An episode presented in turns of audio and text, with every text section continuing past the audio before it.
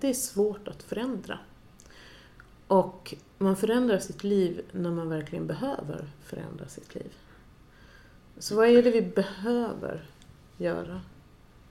Um, vad kan eh, ge oss motivationen till en förändring?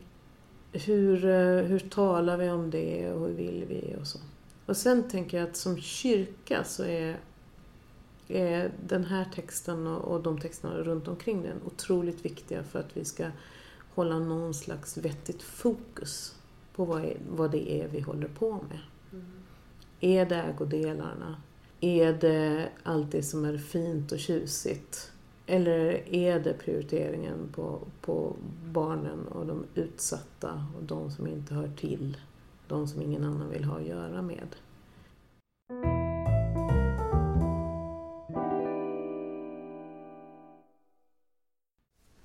Du lyssnar på Tolkning pågår. Idag är det jag, Ida Vrelund, som sitter och tolkar med Maria Bergius, universitetspräst.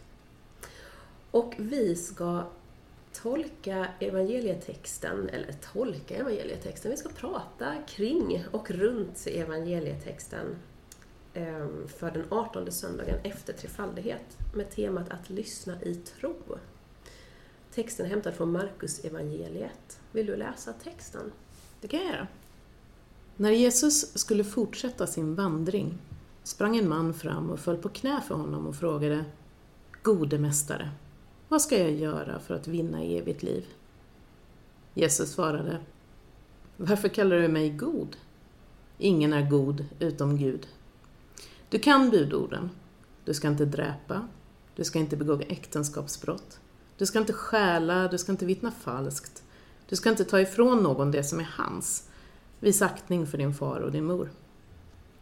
Mästare, sa mannen, allt detta har jag hållit sedan jag var ung. Jesus såg på honom med kärlek och sa, ett fattas dig. Gå och sälj allt du har och ge åt de fattiga.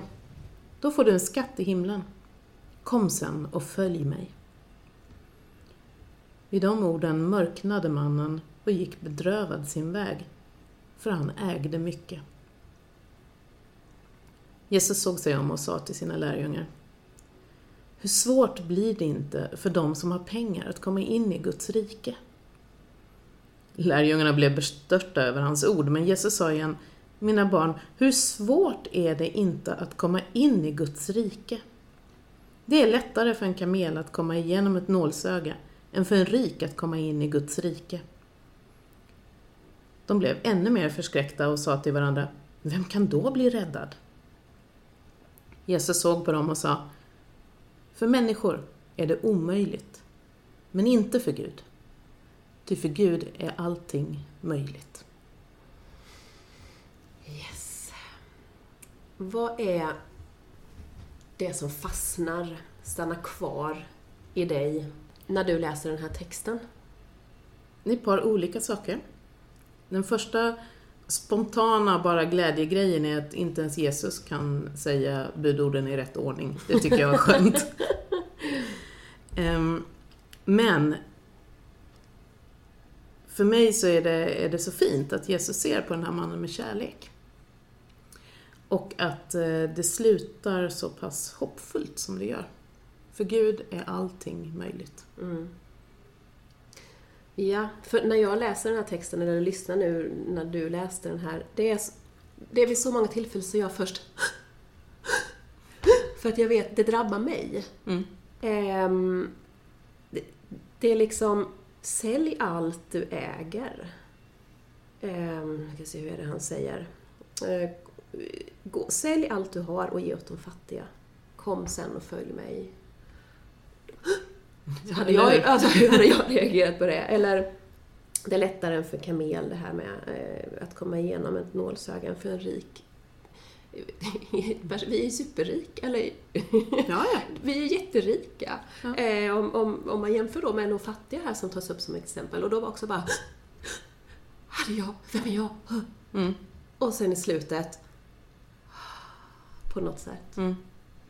Jag tänker att det blir slutet är, är både hopp och evangelium och någon form av feg utväg. Precis, precis. Så, jag, jag sitter här, vi, vi sitter ju hemma hos mig och är omgiven av alla mina älskade prylar. Mm. Ehm, och jag hör ju Jesus eh, liksom skaka på huvudet och säga Maria. Och så, så kommer man till den där hoppfulla delen och tänker, gud vad skönt, jag behöver faktiskt inte. Ja, precis. Och då, då kanske jag har missat målet lite grann. Mm. Då, eh, då försvinner den ganska allvarliga uppmaningen som ändå finns här, som handlar om, som jag tolkar texten, som handlar om prioriteringar. Och att den här unge mannen, han, han liksom följer allting till, eh, till lagens prick. Liksom. Men, eh, men Jesus förstår att det finns ändå någon form av, av prioriterings problem i hans liv. Och när, när det petas på det så blir han bedrövad och går sin väg. Mm. Och det är klart att det gäller oss också, tänker jag. Att när, när det kommer för nära, när kraven blir för stora, när, när vi inser att, att vi blir förblindade av privilegier och, och prioriteringar, då, då är det ibland lättare att gå sin väg. Mm. Och då kan vi använda den här slutklämmen som någon slags eh, eh, komma ut ur fängelsekort.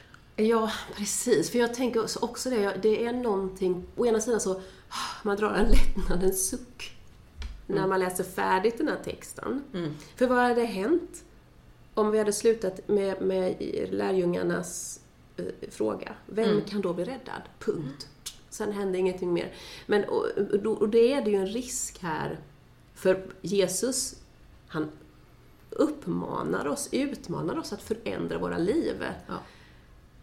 Det finns ju en risk här, att som, precis som du säger, att ah, men det är okej, jag be- ah, vad skönt, jag behöver inte, ah, jag kommer nog in i himlen ändå. Mm. Ja, och, och då miss...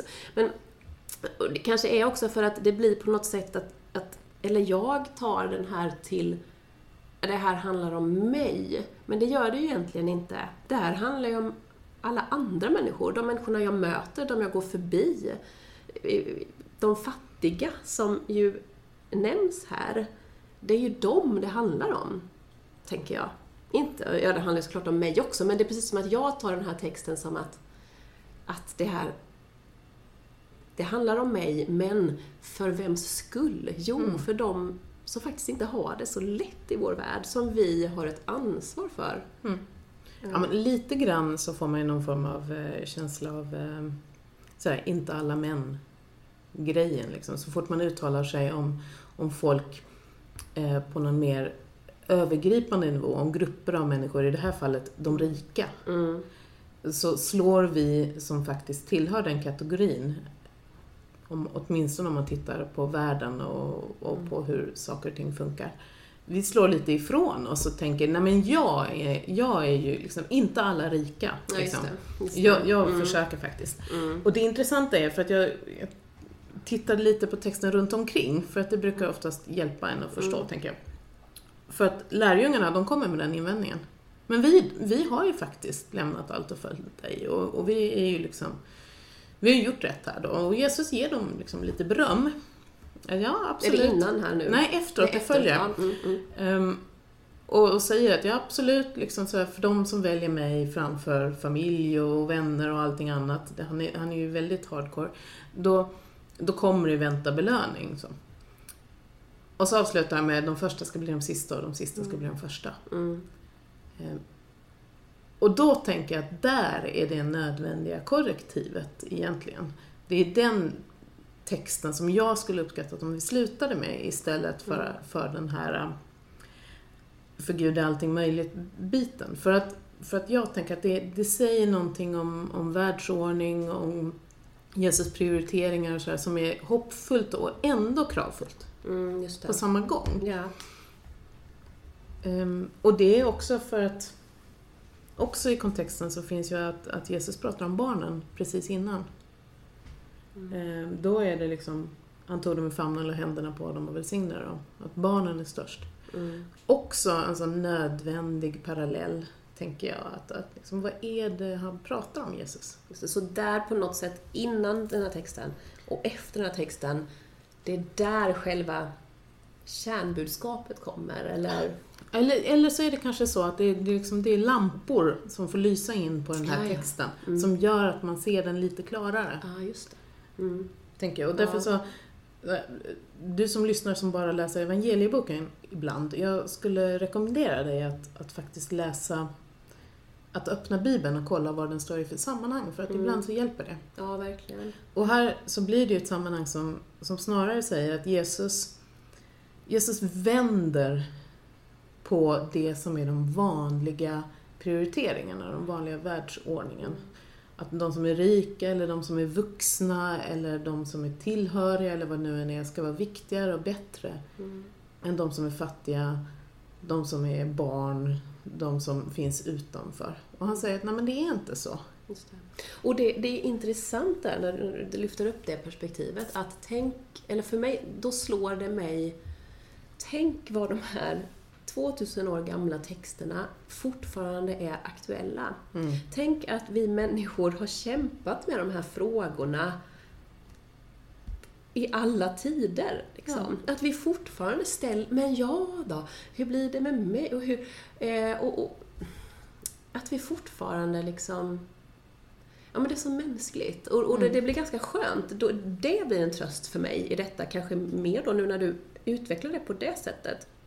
Inte den här meningen för människor är det omöjligt, men inte för Gud, för Gud är allting möjligt. Utan snarare, jag känner sån samhörighet med lärjungarna här och med den här mannen, rike mannen, som gick bedrövad sin väg. Jag hade också gjort det. Alltså för att det är någonting drabbar mig. Ja.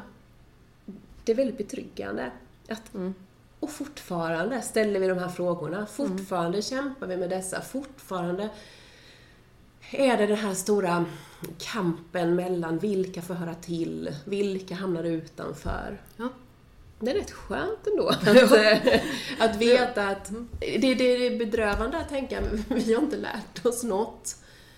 Men det är också ganska trösterikt Mm. att ja, men vi, vi, vi kämpar fortfarande med detta. Mm. Ehm, Men det finns ju sådana röda trådar rakt igenom Bibeln. Mm. Och jag, jag blir alltid så fascinerad när folk säger liksom, ja, men hur kan du låta en 2000 år gammal bok bestämma ditt liv? Eller, eller, eller de som säger att Gamla Testamentet är irrelevant, för de finns ju också. mm, Att, att man på något sätt inte har förstått den här röda tråden. Att, att det hela tiden handlar om en Gud som försöker nå relation.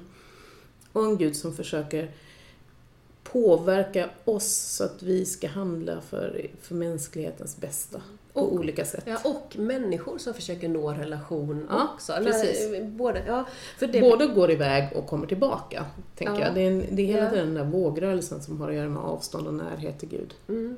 Och, och för mig blir det mer och mer tydligt när jag läser Bibeln.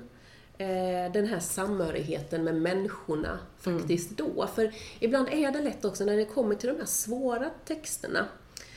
Då är det så lätt att kasta, eller vet du det, eh, göra, ge ett, att skapa ett avstånd till dem för att säga, ja men så var samhället uppbyggt då och, och det, är- det är jätteviktigt att ha den kunskapen och, och vi behöver kunna sätta texterna i dess sammanhang och veta hur såg samhället ut men, men att faktiskt inte också då vad säger man, kasta ut eh, barnet med bad, ba, badvattnet. Att, att för att Ja men vad är det människorna längtar efter? Vad är det de frågar?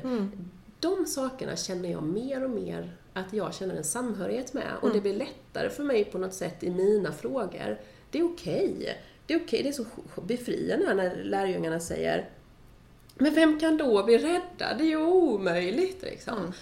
Ehm, Ja, vad skönt. De som gick där med Jesus under dessa år, till och med de. Ja, det, de är ju ofta en tröst, tänker jag. Ja, Lärjungarna, lärjungarna och deras oförmåga att förstå någonting är ju ofta en Ja, tröst. Det det är är inte så skönt. konstigt då att vi inte riktigt hänger med jämt. Nej. Men jag tänker också en sak som jag fastnade för nu när du läste den här och jag lyssnade.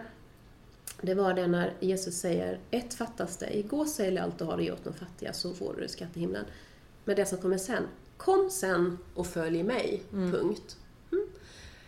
Mm. Det är ganska befriande också för att, eller också utmanande, för att han den där mannen, Jesus säger detta till honom. Kom sen och följ mig. Punkt så.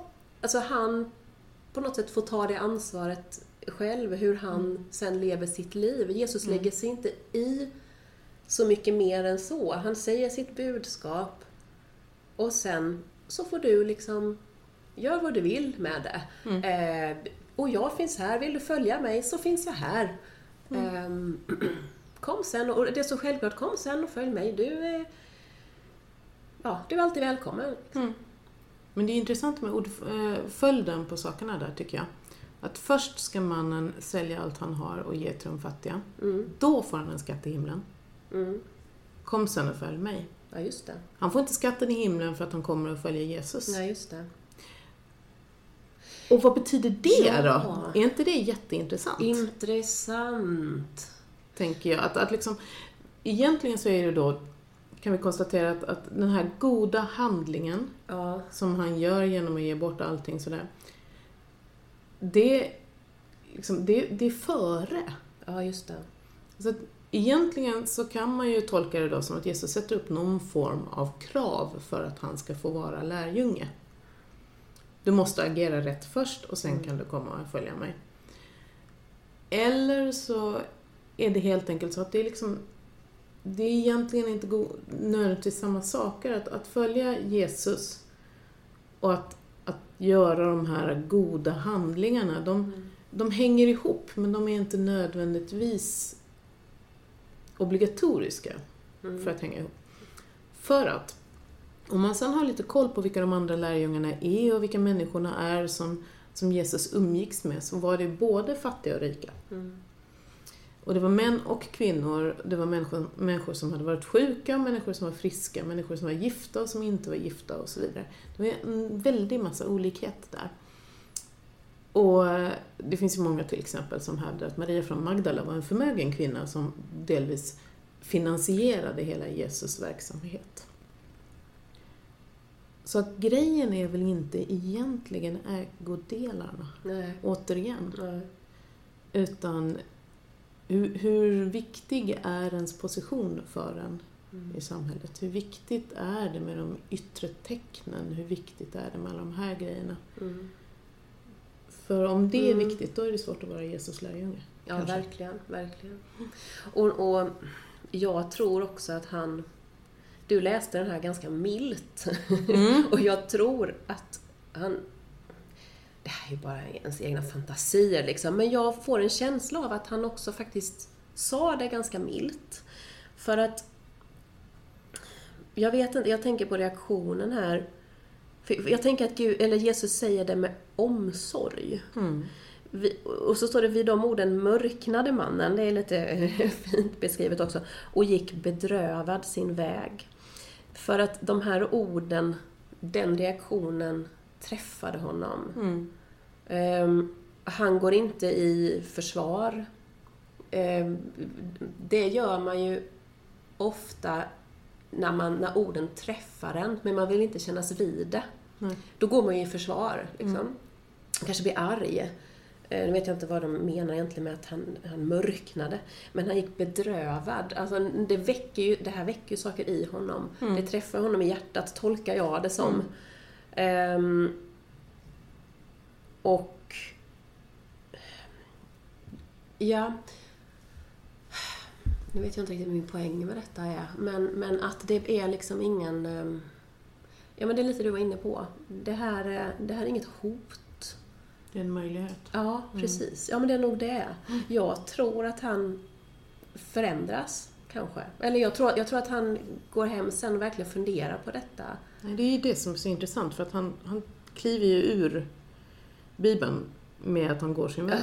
Mm. Eh, Men vad händer i honom efteråt? Ja. Det förtäljer ju inte historien. Nej, det får vi bara Jag är övertygad om att det finns traditionsberättelser Ja, ja. som Mm. har att göra med vem den här unge mannen är Mm. och, och vad hans liv Mm. blir sen.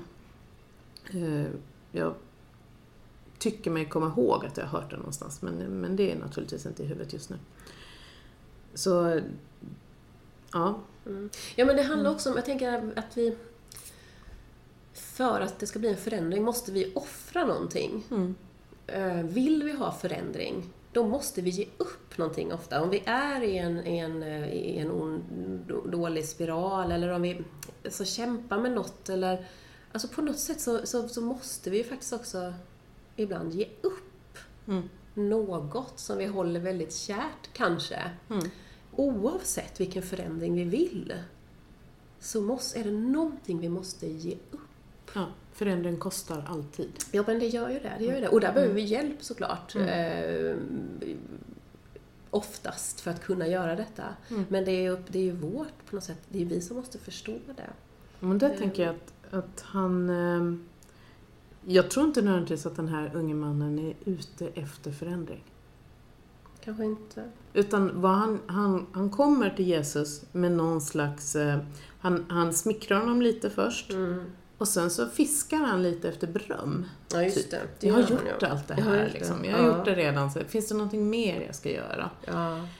Ehm, och förvänta sig, tänker jag då, eftersom jag läser in massor i bibeltexter jämt, men jag tänker att han förväntar sig liksom en klapp på huvudet som säger "Ja, men, Åh vad bra, bra jobbat Mm, mm, unge man, du ska mm. se att det blir fint det här, du kommer in i himlen. Mm. Och så får han inte den förväntade det förväntade resultatet av, Mm. sitt, eh, av sitt lätta självförhärligande. Och det är ju jättejobbigt Mm. att, att tänka sig att man är liksom på rätt väg, man har fixat allting, nu är allt på det torra, nu ska jag bara liksom få det här stämplat och liksom påskrivet och så visar det sig att nej, det krävdes lite mer av dig. Mm. Det krävdes någonting som faktiskt på riktigt är jobbigt för dig. Mm. Det krävs inte bara att låta bli att göra dåliga grejer, utan du måste också aktivt göra bra grejer för att orsaka en förändring för dig själv och andra. Mm. Och det är ju någonting som jag tror vi kämpar med allihop. Att låta bli att mörda folk, det är ju för de flesta av oss faktiskt ganska enkelt. Men hur gör vi för att aktivt förbättra livet för andra människor? Det är svårare. Mm. Det är faktiskt mycket svårare. Det är ju jätte, jättesvårt. Mm. Men då är det fint också att Jesus faktiskt ser, såg på honom med kärlek. Ja, men liksom sådär, han, han har lite sådär, jag tänker ett snett leende liksom. Ja, sådär, eller hur? Milda ögon. Åh, åh, lilla vän. lilla vän. Ja, men precis. Du har en bit kvar att gå. Ja, ja. Och så är det väl säkert också, nu, liksom, nu är jag ju en tant, så att jag tänker att det är lite symptomatiskt också att det här är, är en ung man. Höll jag på att Ja, säga, men så helt plötsligt så att läser jag det att det står- faktiskt inte ung man han någonstans. säger att, jo, han säger jag har gjort det sedan jag var ung. Men, men jag, jag tänkte här, du kanske tolkar att det är en ung man för att det Eller står att han är det- sprang fram till honom. Eller så är det så att det är så i en parallelltext, det kan det ju Mm, vara. kanske det. är det så. Nu blir jag nyfiken, Ja, jag ska läsa. ja. Men jag, jag har för mig att eh, jag, någon, klockan ringer i mig att någonstans också så står det om en ung, ung man. Ehm, Mm, eller hur? Det är intressant. Ja, jag bara leta reda på det? ja Bara därför. gör det. Vi får se om det är så. Men, ehm, Ja, men... men jo, eh, min erfarenhet av människor som befinner sig i, eh, i tolvstegsprogrammet till exempel, det är ju att, att de, är, de är ganska duktiga på att se det här vad som behövs för förändring. Mm. Och de flesta av dem som jag har träffat säger att, att det, det blir liksom ingen förändring förrän du verkligen, verkligen själv behöver den förändringen. Mm, precis. Att du måste nästan krascha Ja. innan du, du finner motivationen för att ändra ditt liv. För du måste verkligen inse Ja. själv. Precis. Ja, och, och då handlar det också om det här offret som jag var inne på Ja. innan. Och då måste jag ge upp Mm. någonting. Eller jag måste liksom ge upp, det kanske handlar om min stolthet Mm. eller inte bara flaskan eh, eller drogerna, utan det handlar ju faktiskt också om någonting som är djupare än så. Precis. I Matteusevangeliet står det en ung, Ung man, som ägde mycket. Mm, just det. Ja, en ung man som ägde mycket. Mm. Precis. Ehm, ja, här står det inte alls i början att han ägde mycket, men Jesus säger. Ja, det står i rubriken i Bibeln, Ja, men ja. inte i det. evangelieboken. Ja. ja, det finns så mycket att säga om den här texten, eller hur? Ja, För ja, det är en lång text som man kan gräva mycket i. Och lite för ofta tror jag som predikanter fastnar i det här med kamelen och nålsögat. Liksom. För att det är en skojig bild. Eller hur? Eh, Men då Men vad hur, Mm. vi som ska predika, jag ska predika runt denna text och det är kanske någon som lyssnar också som ska göra det. Mm. Vad är din utmaning till oss? Att, ehm, men det, vilken kanske, del av texten? det kanske är just det här som vi var inne här på slutet, tänker jag. Att det är svårt att förändra. Och man förändrar sitt liv när man verkligen behöver förändra sitt liv. Så vad är det vi behöver göra? Just. Um, vad kan eh, ge oss motivationen till en förändring? Hur, eh, hur talar vi om det och hur vill vi och så. Och sen tänker jag att som kyrka så är, är den här texten och, och de texterna runt omkring den otroligt viktiga för att vi ska hålla någon slags vettigt fokus på vad, vad det är vi håller på med. Är det ägodelarna? Är det allt det som är fint och tjusigt? Eller är det prioriteringen på, på barnen och de utsatta och de som inte hör till? De som ingen annan vill ha att göra med? Mm. Många skulle säkert säga att vi kan nog göra båda. Och jag tänker att den här texten är både en uppmuntran att göra båda och ett ifrågasättande av det. Mm. När vi måste välja, vad väljer vi? Just det. Jag em, jobbar ju då i en av Malmös största kyrkor. Och där är det ju, så här, vi brukar säga vi har norra Europas största altartavla och den är förgylld och det är liksom väldigt så här stort och högt och vackert och så. Och då, eh, det är ofta jag har sagt i predikan att alltså, de, allt, allt detta som vi har här i kyrkan och, och denna, denna byggnad, de här tegelstenarna som har byggt denna kyrka och de vackra sångerna vi sjunger och ja, men allt det här fina vi visar upp, det är ju ingenting värt. Absolut ingenting värt om det inte, om det vi tar emot här inne inte får betydelse också när vi går ut utanför Mm. de här väggarna. Mm. Då kan vi lika gärna, då kan vi riva skiten höll jag på att säga. Det menar jag inte. Men, Nej. ja, men på något sätt att... Ja, men är, ja, vad är viktigt? Mm. När vi kommer till vår kyrka att på något sätt upprätthålla en norm, att du måste vara på ett visst sätt Mm. när du går in i detta storslagna kyrkorum. Mm. Eller vad, nej, ja. Och sen tänker jag att det kan finnas också en... eh, Ibland så är vi väldigt angelägna om att visa upp hur vi inte bryr oss om att det är guld överallt och silverkalkarna och sammetsmässhakarna och sådär. Utan att vi, vi, vi säljer det eller vi ger bort det eller vi väljer någonting annat sådär utifrån någon slags markör utåt om hur, hur goda och Mm, fina och duktiga vi är. Och då är vi ju där igen. Ja, precis. Fast ja, bara det är som på ett annat som sätt. står och, Mm. i gathörnen och visar upp. hur- Exakt. Ja. Ehm, och jag har hört ett flertal gånger människor som verkligen inte har några pengar alls och som, som kommer till kyrkan för att det åtminstone ska få vara fint någonstans ja, det. i deras liv. Ja. Och då blir det ju också jättemärkligt att ta det ifrån Mm. människor. Mm. Men hela tiden handlar det väl om varför. Precis. Men precis. Varför? Och vad gör vi med det? Alltså inte, jag menar inte att om vi säljer, alltså, så, men, men vad, vad får det för... Alltså fastnar jag i detta? Eller Mm. gör jag någonting? Vad som sker i kyrkan är jätteviktigt, men det viktigaste är ju när vi är ut, utanför den. Mm. Eller det är där vi ska, där vi ska agera. Det är Mm. också såklart i de som möter oss, och, och när jag säger oss som att vi, vi är vi som jobbar i kyrkan, kyrkan, så är det ju inte. Nej. Men alla som, Mm. alla som rör sig är ju kyrkan, som rör sig i, överallt. Ehm, ja, Men då kan man ju eh, fundera lite på om, om Jesus nu när han säger det här, ehm, sälj allt och äger så får du en skatt i himlen. Alltså, säger han det lite ironiskt? Mm. Sådär, så får du en skatt i himlen med en enkel- citationstecken. Ja, det är också en Eh, enkel för att liksom för att säga till honom att ja, det, det handlar inte nödvändigtvis om om dina, dina handlingar på det här sättet. Utan det handlar om att du ska följa mig. Mm. Eh, Och då, liksom sådär, du kan få beröm för att du gör rätt. Du får en skatt i himlen. Mm. Men poängen är att följa mig. Mm. Och det är inte så enkelt som man kan tro. Nej. Där stänger jag psalmboken.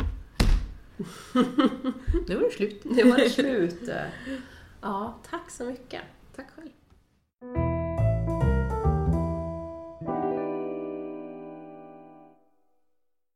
Du har lyssnat på Tolkning pågår, en teologipodd i samtalsform. För dig som vill fundera över livet och tron och för dig som vill få inspiration i predikoförberedelsen. Tack för att du har lyssnat. Och tack till alla er som gillar och delar våra avsnitt på Facebook och som på andra sätt berättar om den här podden för andra. Om du vill lyssna på fler avsnitt så finns vi där poddar finns och på vår hemsida som du hittar om du googlar Tolkning pågår. Och om du har tankar om podden så hör gärna av dig till oss på vår Facebook-sida. På återhörande.